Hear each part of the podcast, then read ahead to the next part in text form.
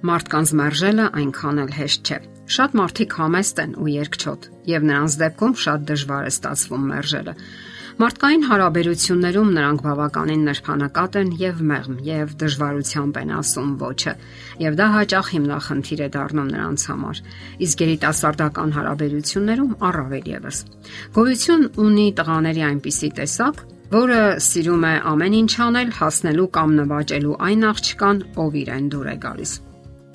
Սակայն տղամարդկային այդ որակը, ունենալով որոշակի դրական կողմեր, երբեմն վերածվում է անմիտ համառության կամ մարզական պատվախնդրության եւ փչացնում է երիտասարդական հարաբերությունը որովհետև տղաները հաճախ պահանջում են այնպիսի հարաբերություններ նախքան ամուսնությունը, ինչը հղի է բավականին լուրջ խնդիրներով եւ երբեք ցանկալի չէ։ Ահա թե ինչու աղջիկներից պահանջվում է թե հաստատակամություն եւ թե որոշակի իմաստություն, պատվով դուրս գալու նման իրավիճակներից եւ ասելու վճռական ու հաստատական ոչը։ Չէ որ ընթരാճ գնալով դիմացինի ցանկություններին տվյալ դեպքում տղայի նրանք վնասում են սեփական շահերն ու հեղինակությունը, սեփական արժանապատվությունը Նման դեպքերում մերժելը միակ ելքն է։ Երբ դիմացինը համառում է մի բանում, որը ձեզ բոլորովին դուր չի գալիս, հիշեք, որ դուք չեք կարող բոլորին գոհացնել։ Դա չի հաջողվել այս աշխարհում երբևէ բնակված որևէ անznավորության։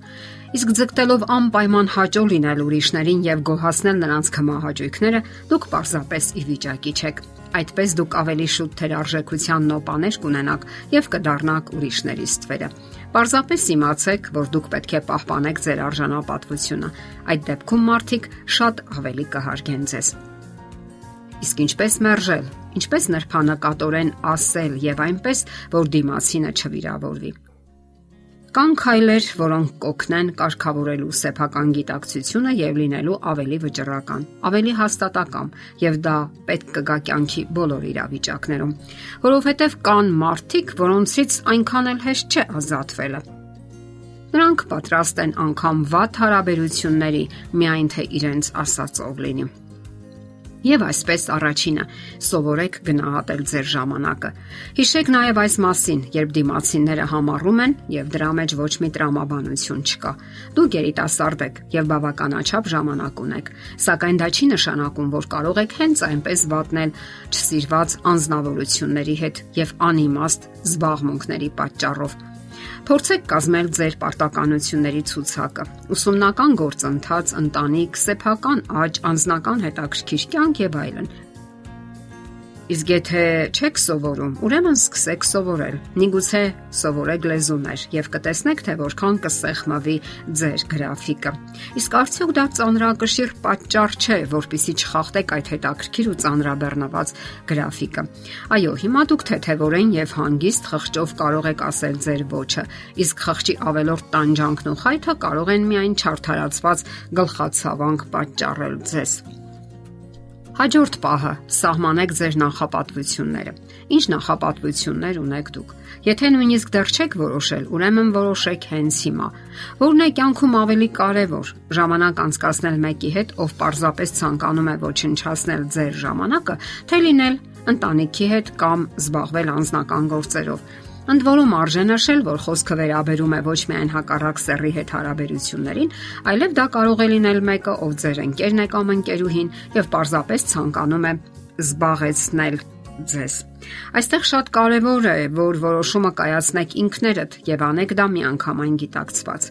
Շատ մարդիկ ապրում են իներցիայի, սովորության ուժով եւ նրանց հաճախ ուրիշներն են հրում առաջ եւ կամ էլ կանգնեցնում են տեղում եւ թույլ չեն տալիս առաջ շարժվելու։